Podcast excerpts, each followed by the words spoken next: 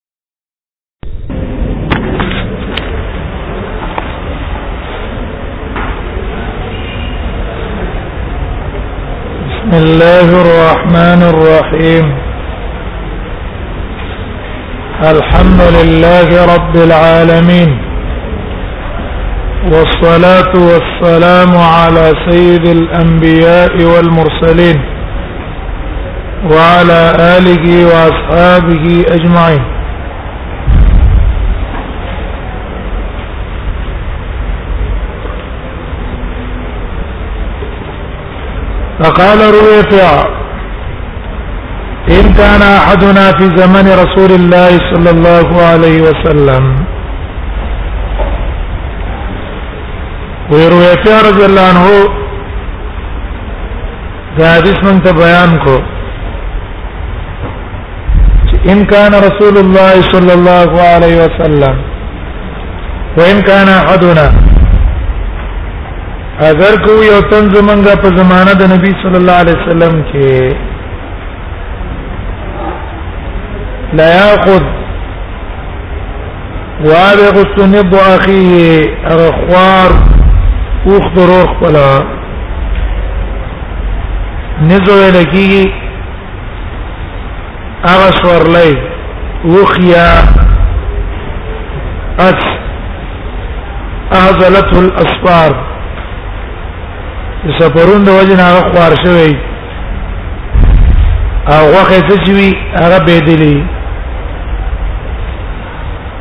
یو ورور نه به خوا کو خوا غشتو لپاره د جهاد چې تنزه مال راکه دا وخت به جهاد له پلاټ شم وعلى ان له النصف په دې شرط چې د لپاره د نصف پیمه ما یغنم دا نه چې د کم غنیمت کې حاصلای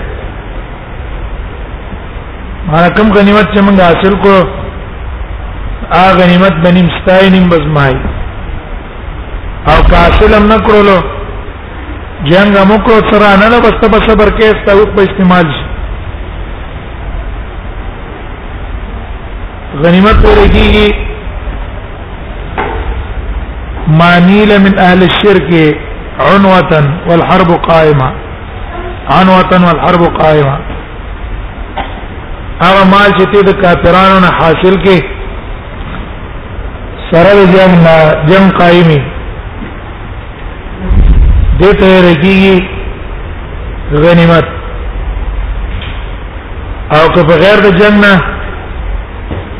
کافرانو نه کمال تا ته میراث نه ته مال فی وي هغه ته رکی مال فی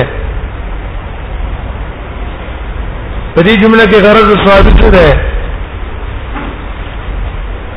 غرض صحابي دا دی چې موږ د رسول الله صلی الله علیه وسلم سره ډېر سخت تیر کړې په ابتدا کې او ډېر د مخکې زمانه نه د رسول الله صلی الله علیه وسلم سره مرګريو وان كان احدنا لا يطير له النصل وان كان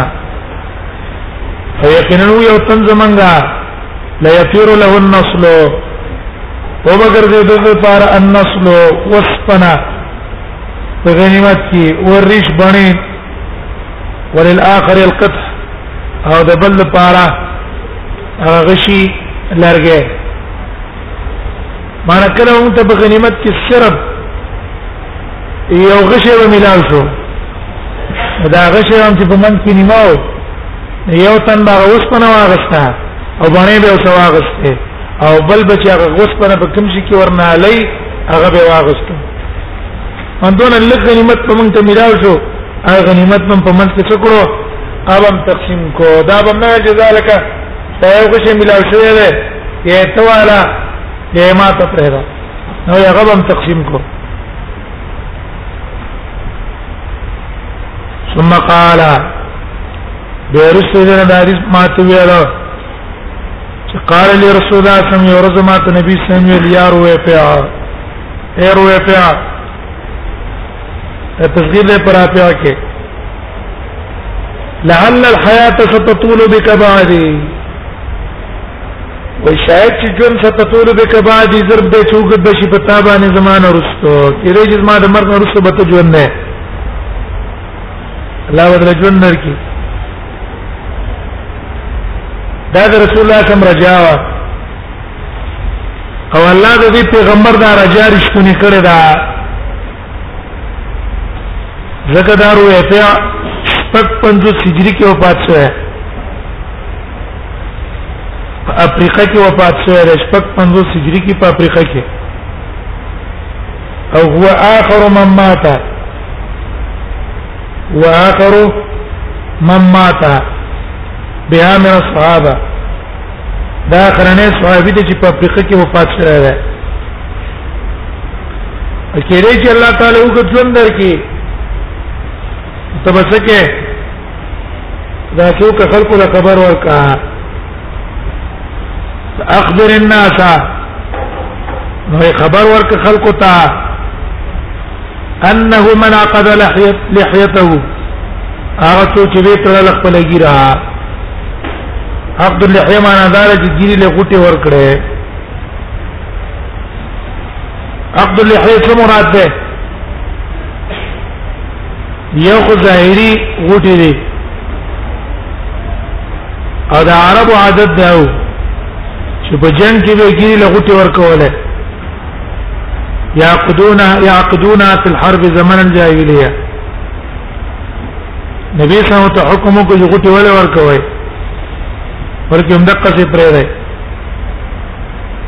او نبی صلی الله علیه وسلم ځکه منع کړي په دې غوټي ورکولو کې مشابهت ته د زنانو سره بما تیاقتیا من التشبه بالنساء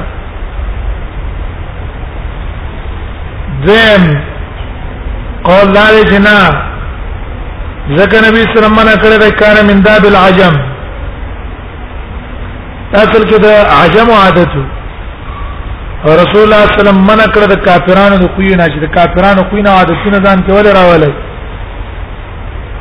وجدار جدا تغییر دی د الله د خلق الله د خلق تغییر دی الله د لګیر هغه څه کړی او ته کوټه کې دریا معنا بهري څه کړه غاری صاحب ویل د عربو عادت دا و چې ان من له زوجه واحده عقد عقده واحده که چا به یو خزه کړو نو کیری له یو غټه ورکړه او وړا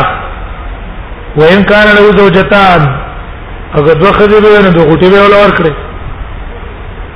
رسول الله صلی الله علیه وسلم چې دا وینا عادتونه مکوي یو کې ګټي ورکوي سره معنا مولا قاری سے مرقات کې کړه قال الاكثرون واذا اكثر علماء را ادا دا چې نا عقد اللحيه وې دې ته وایي هو معالجتها حتى تنعقد وتتجعد وته دا ګیره غونډه د قصې را ټولې را ټولې او دلته ورځو دی دا دې لپاره چې غټه نه وي مزل ته ورټولې دا باندې کې وځکه دا د سنت نه خلاف ده سنت کې تصریح به بلحیه او تر لګي دا غنه خلاف کې دا بنګه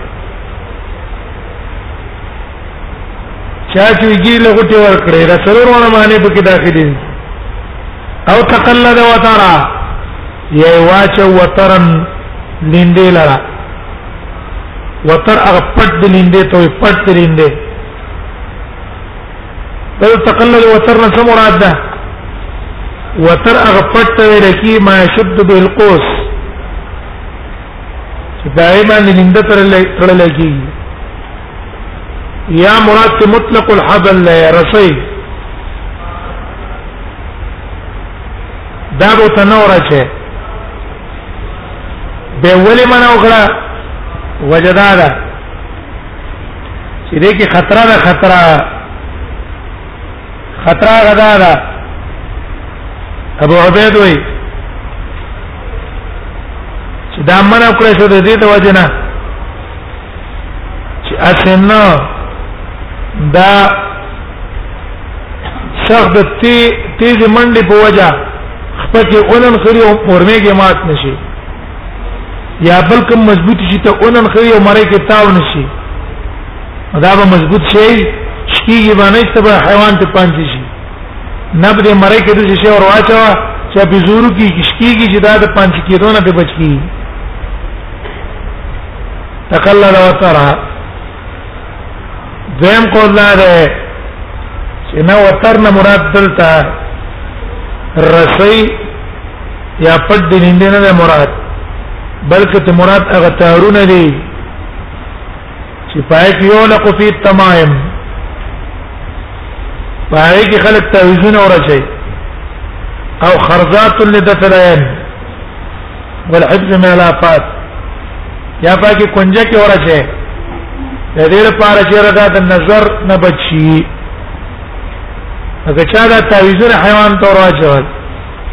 یا بچی ته ورواچو تقلد وترا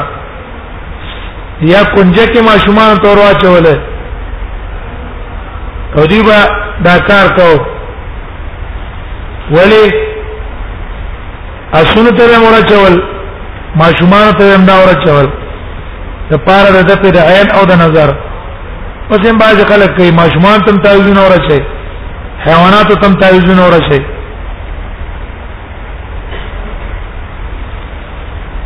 بیا د دین من اول وشو ابو عبید وای ابو عبیده وی الاشبه وی شي خبر دې کدا دا انه نهى تقييد الخيل نبی سره منه چې کړه دا تقریر الخير نه چې اسنه تبا پټ نه چوي او تار القسی دا به تنور چوي فنهو عن ذلك اما لاعتقادهم دغه من او شو د دیو جن جی دیو عقیده دا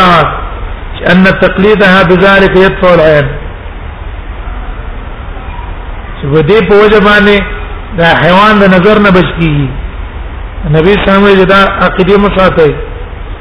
چې په تعویذونو او په پټو باندې حیوان د نظر نه بچ کوي او یا و اما لمخافه اختناق هذه او یا په دې کې حکمت د نبی صلی الله علیه وسلم داو اسنا مرینه د تخپن شي او لا سیما عند شدت الركض اج کله تیز منډه وای دا غډیره خطر ده چې کمزې کې خپل ته پټه ونن خلې یا دا پټه بل شي کې ونن خلې دا ورنه کې مات نشي سای بند نشي یو نه رامن کو او استنجا برجیع مناسبت په دې جمله کې ده او استنجا برجیع یا استنجا وکړه برجیع په خوشیان باندې وشي معنا من کړي وا ځکه دا پښه دا اول حالت نه زم درجه دا په خوشان او حیوان او عزم یا پاړو کو پاړو کو باندې عزم نه کړی راوړه د بار د عموم شامل له هر اړو کتاب کدا اړو کې دا حیواني چلال کړی دی او کله هغه حیوان چې په خپل مرګ باندې مړ شوی دی کاړو کې د میتی او کاړو کې د مزکای او چې د حیوان اړو کې پاره باندې او د جائز نه ده ناروا ده وجدار چې آزاد الجن له کرستو راځي فإن محمدا محمد صلی الله علیه وسلم منه بری بری ده نبی صلی الله علیه وسلم لپس د محمد استعمال کو د څونه ویل چې فانا منه بری او یا فإني منه بری الله دا خبر رسول الله ورکاو کنه خلکو ته دې وایا نبی سلام د خپل ځان تعبیر په نوم سره او په ان محمد دې کې یو غرض داو څوک دا اونوي چې فإني او فإنا دینه به مراد دین دا راوي یعنی دا صحابي وي چې فإني من عمري ذاتي بری با دا و امراتلو کرا فإني من او فانا من عمري چیرې دا برائت برائت چا ده دا دروي ته ده چې تخلق ته واجب ورزه نه بری ما نظری د په توهم د وجه رسول الله صلی الله علیه وسلم محمد استعمال کو څوک دا وهمونه کی چې دا برات کوونکې صحابي ده نه برات کوونکې محمد رسول الله ده یو د دې د وجه لپس د محمد استعمال دیم نقطه غرض پکې دا ده اشاره د عظمت او غټوالي د جرم ته دا جرم ګور معمولی جرم نه دی فإن محمدا من عبري هغه انسان چې هغه مسما ده په محمد هغه انسان چې هغه مسما ده په څو په محمد اولنی او اخرنی دا هغه څه کې توصیف او صفت کوي هغه کس هغه ته بری ده او دا چې کس چې هغه محمودي محمود محمد ما هغه محمود کړه صفت کړی شي نو دا چې کس چې دا هغه صفت کړی شي هغه چې برائت د یو کار نه کوي دا کار ډېر مضمومي ځکه چې برائت کوي دې جمله په ذکر کولو کې اشاره د شناعت دې فعل ته او قباحت دې فعل ته دا فعل ګور ډېر قبیح او ډېر شي نه یاد ہے ان محمد من بری دغه دا ذکر کو محمد صلی الله علیه وسلم دې نه بری دی دا کار با نه کوي دا خلکو ته خبر ورکړه حدیث دا روایتیا نه کومه مسله وروته ما استفاده من الحديث یو د حدیث نه معلوم شو جواز جواز الاستعانه بالغیر عند الحاجه وخت ضرورت کې ته د چانه مدد حاصله ده جائز ده استعانت او مدد ته چانه غسل په وخت ضرورت کې ده جائز دي او بیا خاص کر په مهمات الاعمال او عملونه کې چې مهم مهم اعمال دي هغه کې دویم ته معلوم شو جواز اجاره الدابه جواز اجاره الدابه بجزء مما ينتج من عملها ته خپل حیوان دی چاره په اجاره باندې ورکی او یو جز چې دا غي په ګټه نه کم حاصل شي خرد چاله ور کو زیاره کپدا بوزا چې په دې باندې سل روپۍ وټي 50 تا 50 زما موټر دې چاله ورکو دا موټر چلاوا 300 روپۍ مال را کنوري غټي تواله 200 مال را کته واله رشکه چلاوا رشکه زما دا ته چلاوا مال دند سل روپۍ راکا دا ورځي نور غټه ستاسو دا جواب دا جایز په بجوز ما انتج بل ته مسله معلومه شوه الشيء المشترك المحتمل للقسمه یو شی د دوه کسانو منځ کې شریک دی لیکن تقسیم پکې راتلی شي محتمل لري قسمت تقسیمې دی شي نو د هغه تقسیم بچي یصح قسمته بطلب احد الشرکا یو شریک تا طلب کی چرور ما ته دا شی تقسیم کمال خپل شراکا دا سیش بل ته معلوم شو ان الله یکرم نبیه بتحقیق رجائه الله د خپل نبی عزت کوي په تحقیق درجه دا هغه چې کوم امید ته هغه الله وکړو کنه رویته ته ویلو لعل الحیات ستطول بک هغه الله جن وکړو بل ته معلوم شو منع عقد اللحیه ګیری له غټي ورکول ممنوع والتقليد بالوتر حیوانات ته پټه ورچول یا مینونو تعویذونه ورچول د پاره دته د نظر دا جایز نه دی بل ته معلوم شو منو الاستنجاء بالرجيع والعظم استنجاء پر رجيع او پاړو کې دا ټیک نه ده بل ته معلوم شو ان ارتکاب الجرائم دا سره چې جرمونه کوي غړ غړ ګناونه کوي سبب له هلاک مرتکبها دا سبب ته د پاره د هلاکت مرتکب د دې اعمال په وجه باندې به دا سره الله تبا کی او سبب تر پر د برات د نبی صلی الله علیه وسلم دې سین نبی صلی الله علیه وسلم بری ده وبي قال سنا يزيد بن خالد قال حتى سنا مفضل عن عياش أن شيم بن بيطان أخبره بهذا الحديث أيضا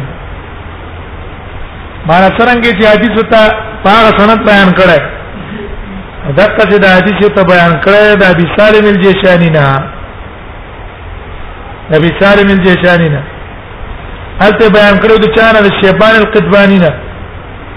دلته د حدیث بیان کړه ده د ابي سالم الجشاني نه د عبد الله بن عمر نه عبد الله بن عمر یذکر ذلک و ما هو او عبد الله ابن عمرو بن العاص رضی الله عنه دا حدیث ته ذکر کو او هو ما هو مرابط بحسن باب الیون او دا اوس مرابط په باب د حسن الیون کې مانا هغه مت دا بیان کړی چې بدی شنو باندې نبی صلی الله علیه وسلم استنجا منع کړي عبد الله ابن عمرو ابن عاص عبد الله ابن عمرو عمرو ابن العاص ابن وائل دیم صحابي ده او دا پلار عمرو ابن العاص دام صحابي ده دغه کنیه ده ابو محمد دیم کنیه ده ابو عبد الله ابو عبد الرحمن ابو عبد الله نه ابو محمد او ابو عبد الرحمن د جره د خپل پلار نه د مخ ایمان نه وره اسلم قبل ابيه پلار نه ایمان کې مخ کې داخل شه دا د پلار نه دولس کال کې شروع دا د پلار په منځ کې دولس کال فاصله وا پلار یې وختي واده کړو دا د هغه منځ کې دولس کال فاصله وا ډیر عابد انسانو دغه قصه بخاری کې به تراش ابو داود کې به مراج واده ول پلار کړو او د د کثرت عبادت ته وجه نه خزي تسرا خال ورغله نو پلار راغی ډیر ورځې پس نبی سم د شکایت وکړو نبی سلام ډیر وخت یې څه کې ویل الله نبی ټول شپه تهجد کوم ورځ روزنی سمې را مکه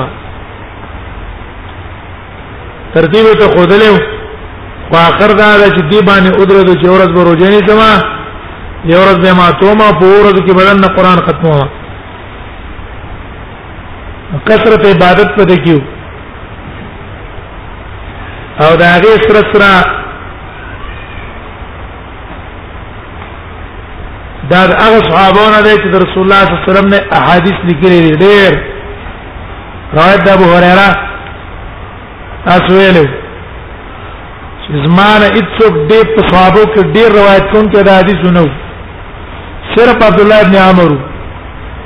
وجدار چې هغه لیکل کول مالکل نه کول نو ټول روایتونه د چې په کتابونو کې نقل لې و څو روایت دي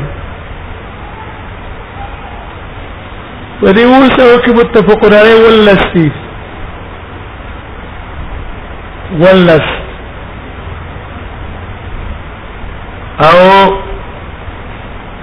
انفرد علی البخاری پاتو باندې امام بخاری تفرد کړی دی او مسلم په شلو باندې کړی بیا اعتراض ده چې ابو هريره وي مان دا په روایتو کې ډېر ده ابو هريره جام 15000 سلور سوا درې سوا سلور بیا روایتونه دا غنه نقل ده او دا ټول وسو نه کړل دا غیر ته مونږ جو د جواب کړی چې دوه سبب دی یو سبب اصل کې دا ده چې ابو هرره د هو مرکز کې کینا است دعوت وکاو درس او تدریس ته ځان روزګار کو او دا د پلار سره مصر ته تلو مصر مرکز او مرجع نه و دیو جن ابو هرره مشهور شو علم یې قور شو او د علم خور نشو دیو چې نشر شاعت والا د چای غدا علم خوريږي چې د چا نشر شاعت او مرکز کې نه دا علم خوريږي نه اگر که قابل دی دیم وجه دا دیم وجه چې امر په العاص را اولګه د ترست کتابونه ولیکل تاریخي دغه علم چاریر شوق هغه تاریخي کتابونو په بنا خلکو دغه ډېر روایت نه درک کوي شنه چې موږ چر موږ ته پر روایت کې چرته تاریخ را نقل نه کی او ابو هريره جاو خالص احادیث در رسول الله صلی الله علیه وسلم بیان ور خالص نو دی وجنا ابو هريره علم خور شو دغه خور نشو ډېر احسان کوم چې د پلار سره جنگ سپین تر اغله د پلار د وجنه لارې خپه کېدو خویل به بیرست به ارمان کو مالی ولی سپین ولی قتال المسلمین اسما په سپین کې څه کارو او جنگ مسلمانانو سره ما څه کارو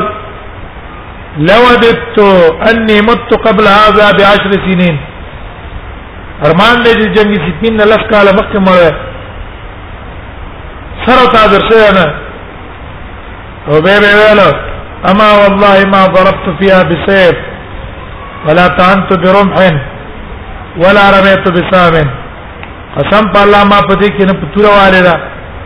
مې په کې نه زې استعمال کړي او نه په کې غشي استله ده نه په کې غشي استله دا فاصله ده پنځه شپې هجری کې یا په مصر کې یا په مکه کې یا په طائف کې اختلاف ده اے مصر کې مړ وې طائف کې مړ وې په مکه کې مړ وې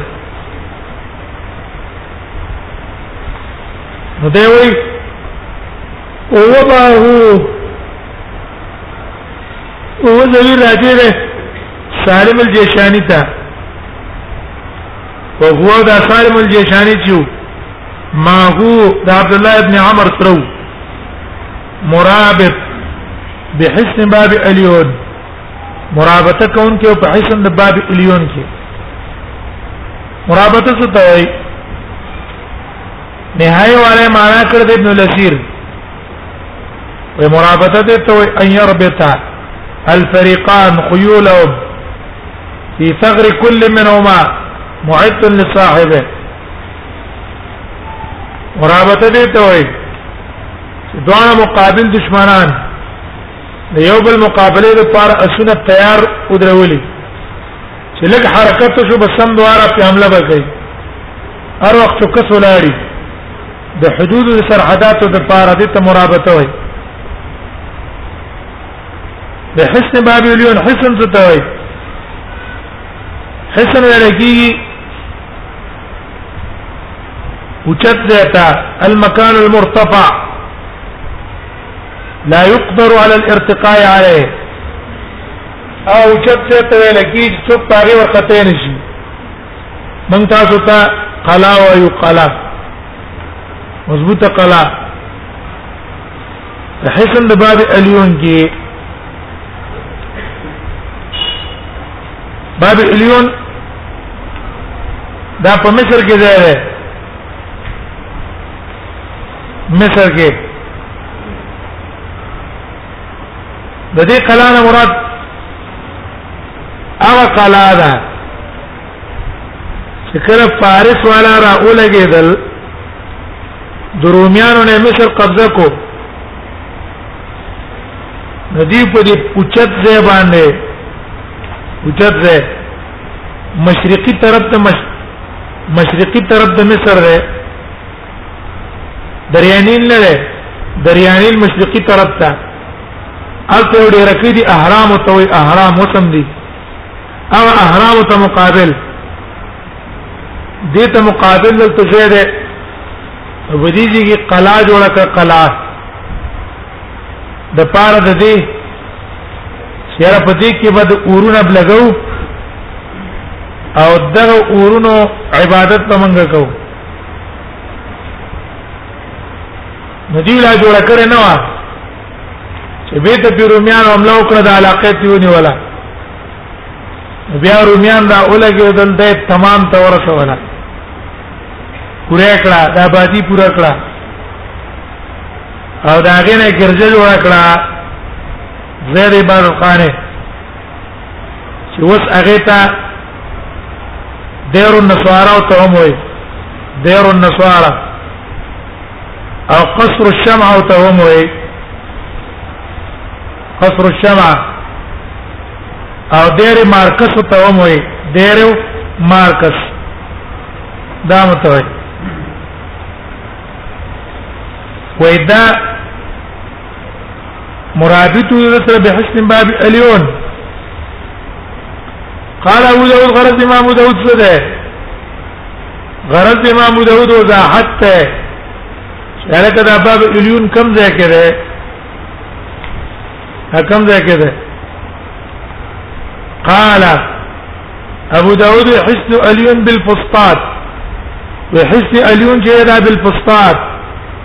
اعلی جبل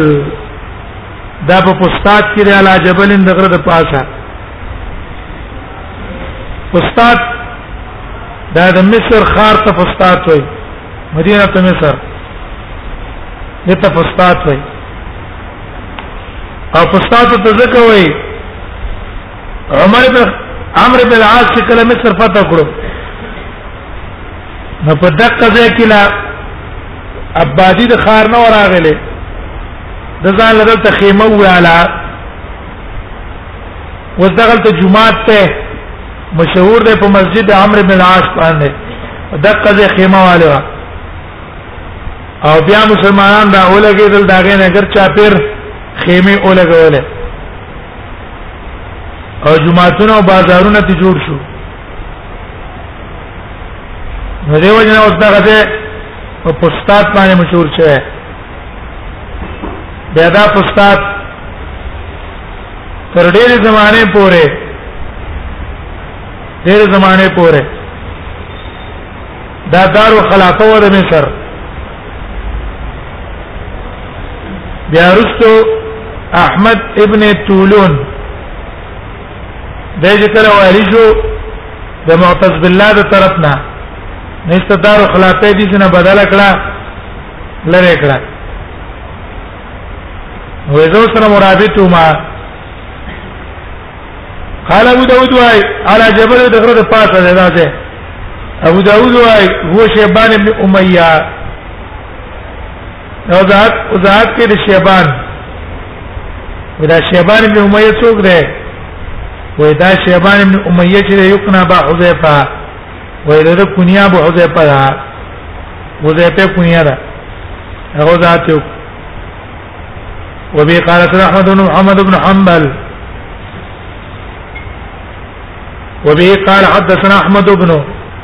محمد ابن محمد ابن حنبل قال اخبرنا روح بن عباده قال حدثنا زكريا بن اسحاق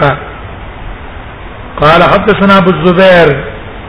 انه سمع جابر بن عبد الله يقول وما جابر بن عبد الله رضي الله عنه اوریدلی چې فرمایل ده نهانا رسول الله صلی الله علیه وسلم ان تمسح بعظم او بعرض وي موږ نبی سلام باندې کړی دی نه چې موږ د استنجا کو بیا ازمن پاړو کی او بار نه په پچا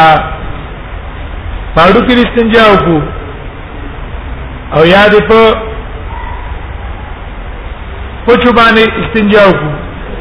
وې دین رسول الله صلی الله علیه وسلم باندې کړی اما سحمانا من کړي وخت ما استفاد من حديث مخاره ده وبه قال حدثنا حيوان بن شريح المصي قال حدثنا ابن عياش ان يحيى بن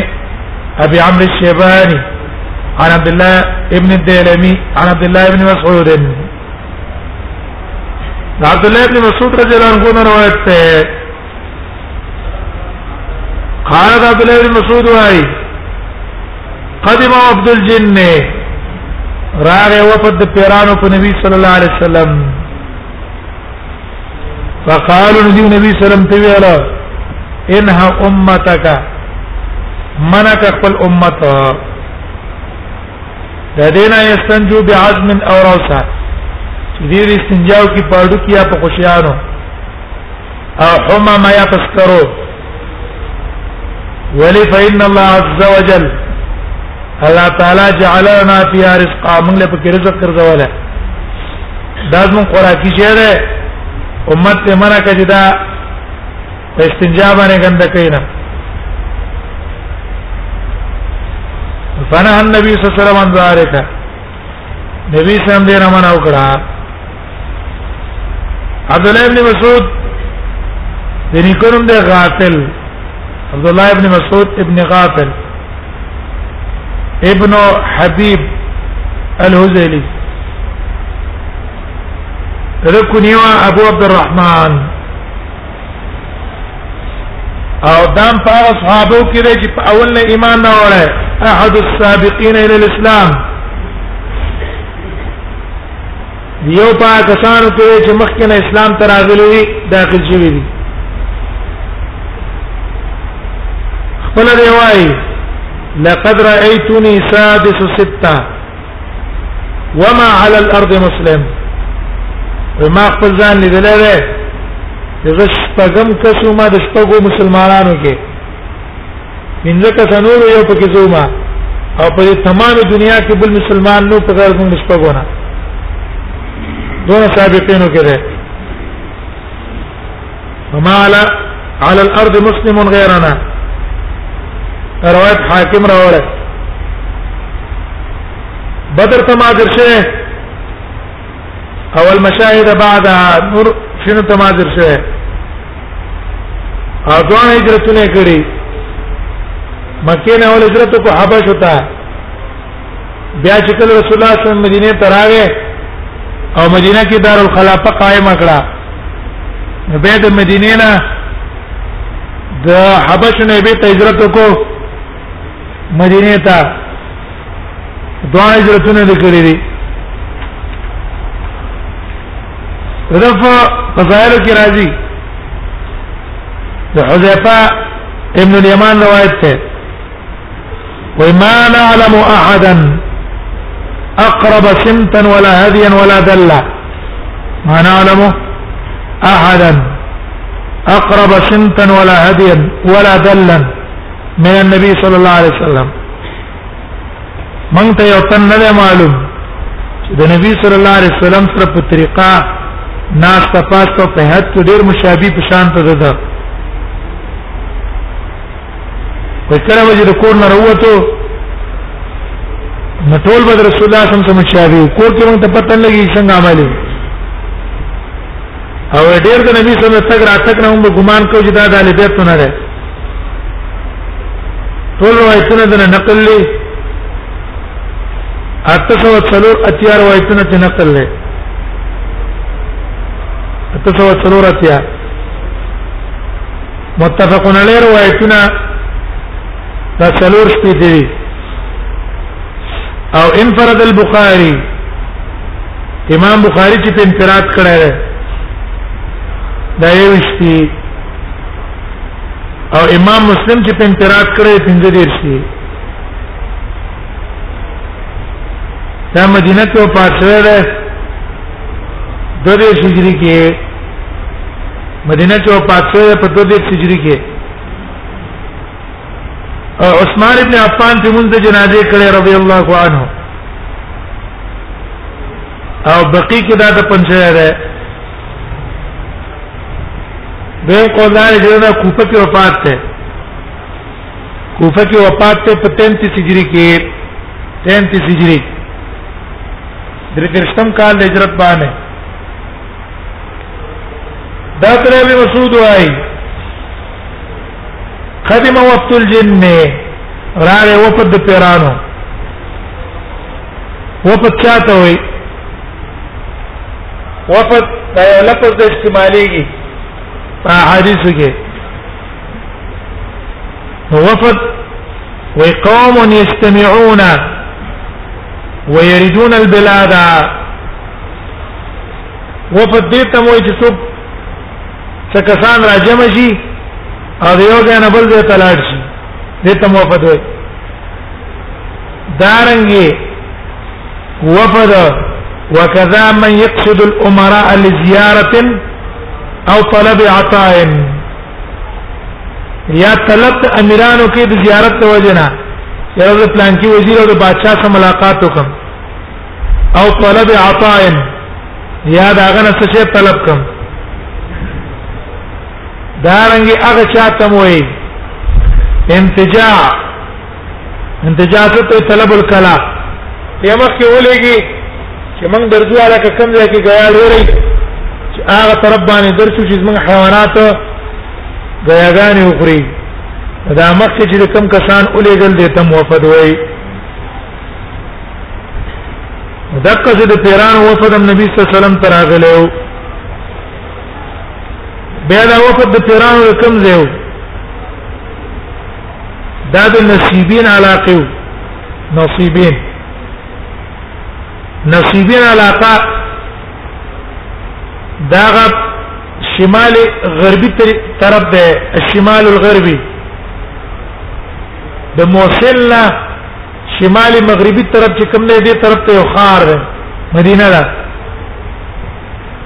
کوم ځای نه چې د فرات نهر راوځي کوم غرونه نه چې فرات نهر راوځي دغه غرونه ته نصیبین علاقه وي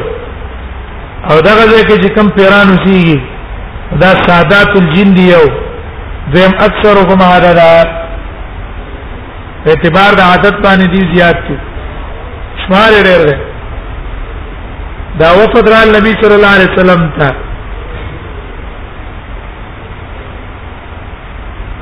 نبی صلی الله علیه وسلم ته ویل وتویل یا محمد اے محمد دا لفظ ذکر استعمال کړی دا آدابونه پورا خبر نه دا لفظ یا محمد یا پیران استعمال کړي یا جبرئیل علی السلام استعمال کړي هغه استعمال کړي او یا الله استعمال کړي او یا منافقان استعمال کړي مؤمنانو چرته رسول الله صلی الله علیه وسلم لفظ یا محمد نه استعمال کړي ویل یا محمد انها امتک خپل امت ته منع کا خپل امت دې څه کا منع کا د دې نه استنجو به عظم نه وروسا چې دې دې استنجاو کې پاړو کې یا په خوشیانو عظم کې به تنکیر شو کرا شامل نه وروړي کیتا روسا خوشیانو ته ولی وې ذکر الله تعالی او حمامه او یا سکارو سکرو باندې منه کې چې استنجا نه کوي یا الله تعالی موږ دې پاره پکې رزق ګرځول ہے ها دا اډو کې نه انتفاع څنګه غلي غریش کې دا راځي چې به ته الله ولا غوخه پیدا کوي غوخه دا ګور ازمن مطلق ویل ہے چې هر هغه ډکی باندې که پاره باندې د الله نوم په وخت ذبح کې یاد شوی او کنه نو هغه ډکی باندې دی پیران الله واخه ګرځي ظاهر د حدیث دلالت پدې کوي جعل جعل الله لنا فی رزقا دا روایت مطلق ده کار اړو کې د مزکای د حیوان مزکا هغه حیوان چې په آلال کې او هغه حیوان میتي د هر یو حیوان اډو کې چې پاغه باندې الله ولا خوخه ګرځي ظاهر رئیس مطلب ته دوه ته شامل ده لیکن روایتونه دې کې مختلف دي روایت ته مسلم کې رزق چې کوم اډو کې کې ګرځول شي هغه مقید ده مقید هغه دا مسلم روایت کې دي رسول الله صلی الله علیه وسلم دیو تو ویل دیو تو ویل اې دا الله نبی موږ له تحفه راکړه چې واپس له نبی صلی الله علیه وسلم تل تحفه ده چې هر اړوکه لكم كل عظم لم يذكر اسم الله عليه هر هغه حیوان هغه هر هغه حیوان هغه ډوکه چې باغې باندې د الله نوم یاد نکړي شي لكم كل عزم ذكر اسم الله عليه ذكر اسم الله عليه يقع في ايديكم اوفر ما يكون هر هغه ډوکه چې الله نوم پیاد کړی شو دغه ډوکی باندې والله تاسو له دې تغوخه پیدا کړئ تاسو به خورئ او او فرما یکون سونه چې دا غي په نسبت ته بغوخه ډېرې چا کړو کې وای ډېر څه معلوم شو پیران الله په هغه ډو کې اډو کې رزق مقرر کړی چې کم باندې نوم د الله یاد کړی شو لیکن روایت د ترمذی کې لري عکس ده روایت د ترمذی کې لري عکس ده امام ترمذی کتاب التفسیر کې راوړل سورۃ الاحقاف کې چې رسول الله صلی الله علیه وسلم دې ویل لکم کل عزم لم یذكر اسم الله علیه هر هغه اړوکه د الله نوم ته یاد نه کړی شو استاد د پاره او پای کې سوي الله بدل په کې رزق مقرر راي وګوره هغه روایت کې دي چې الله نوم په یاد نشو روایت د مسلم کې چې الله نوم په یاد شو ظاهر کې دوه روایتونو من کې تعارض ده دې تعارض په دفاع کې علما جواب کړی دی بعض شراح جواب دا کړی چې پکې سیرت حلبی والا هم نه هغه وايي چې مراد حدیث د مسلم و حدیث د مسلم د مسلمانانو لپاره دی کم پیران چې مسلمانان دي نو د هغه خوراک په پاغه اډو کې کې الله ولا ورکه چې کم باندې د الله نوم یاد کړئ چې په وخت ذبح کې او لکمنا روایت د مسلم کې کافران مراد دي کفار من الجن هغه ته مراد دي چې کافران لپاره به الله پاک رزق ذکر کوي هغه ولا ورکه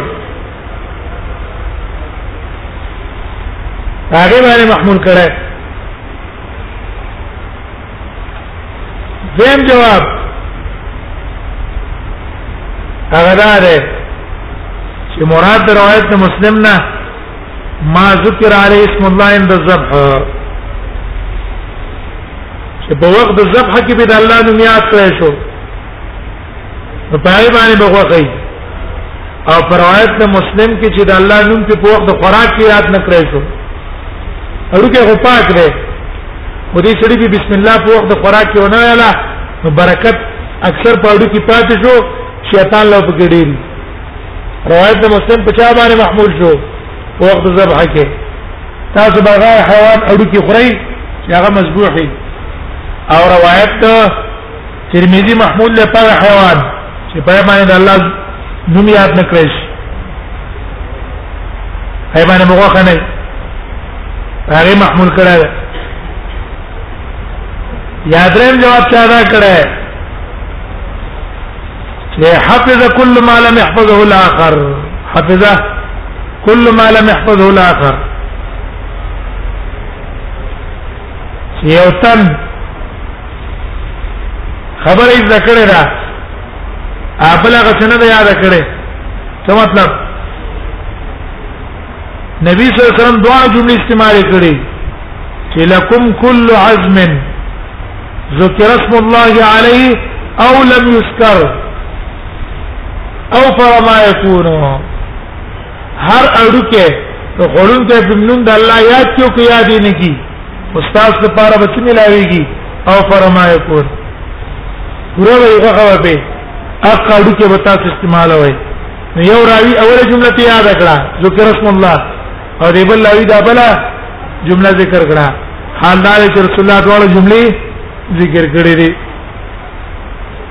ا جوابونه علما کړی ودا به نو په اړوکی کې خو رزق دا شو او په حیواناتو کې رزق خوشیان باندې الله ولا غیا پیدا کړي حماما سکرو کې والا ولا رزق مقرر کړی دی یی دوی کوي او یا په قسمت طریقې ته انتفاق لري الله زموږ لپاره په دې کې رزق مقرر کړی نبی سمرا اولګېدلو خپل امت دې نه منع کړو ما استفاد من الحديث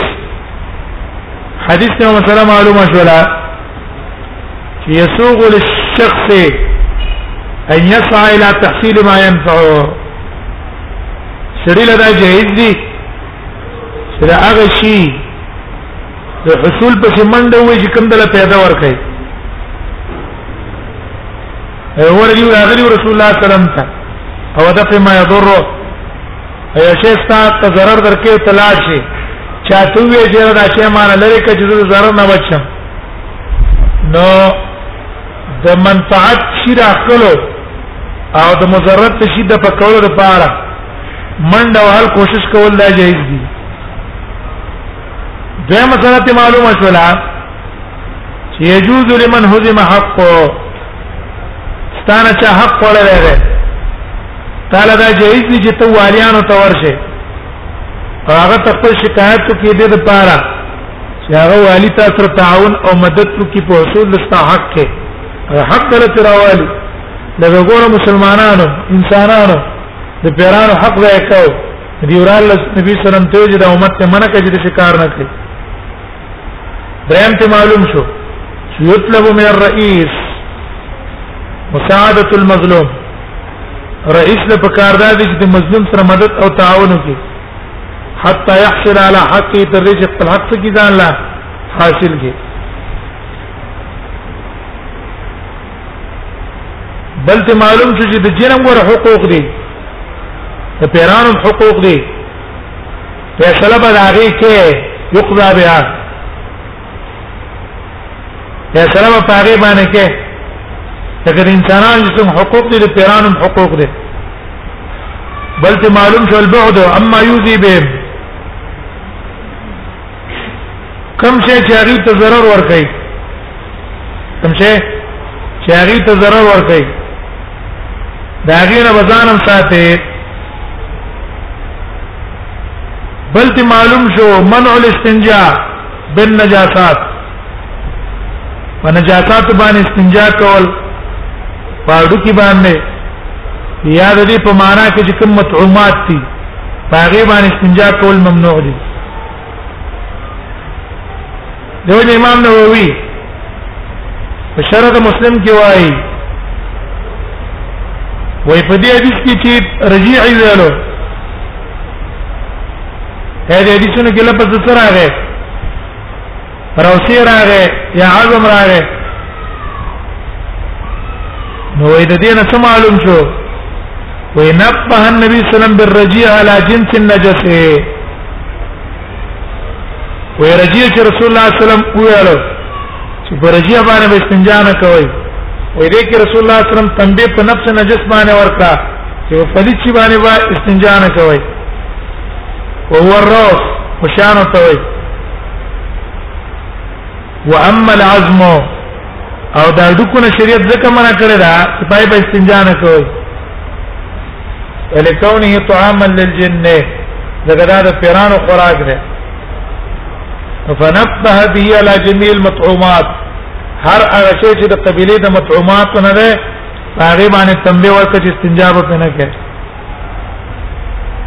او تلحق به المحترمات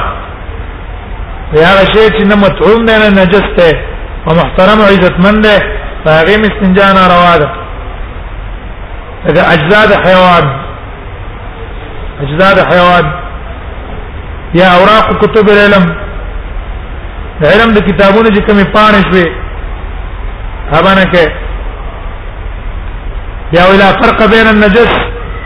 بین المائع والجامد که نجس مائع یو که جامدی استنجا په جایز نه ده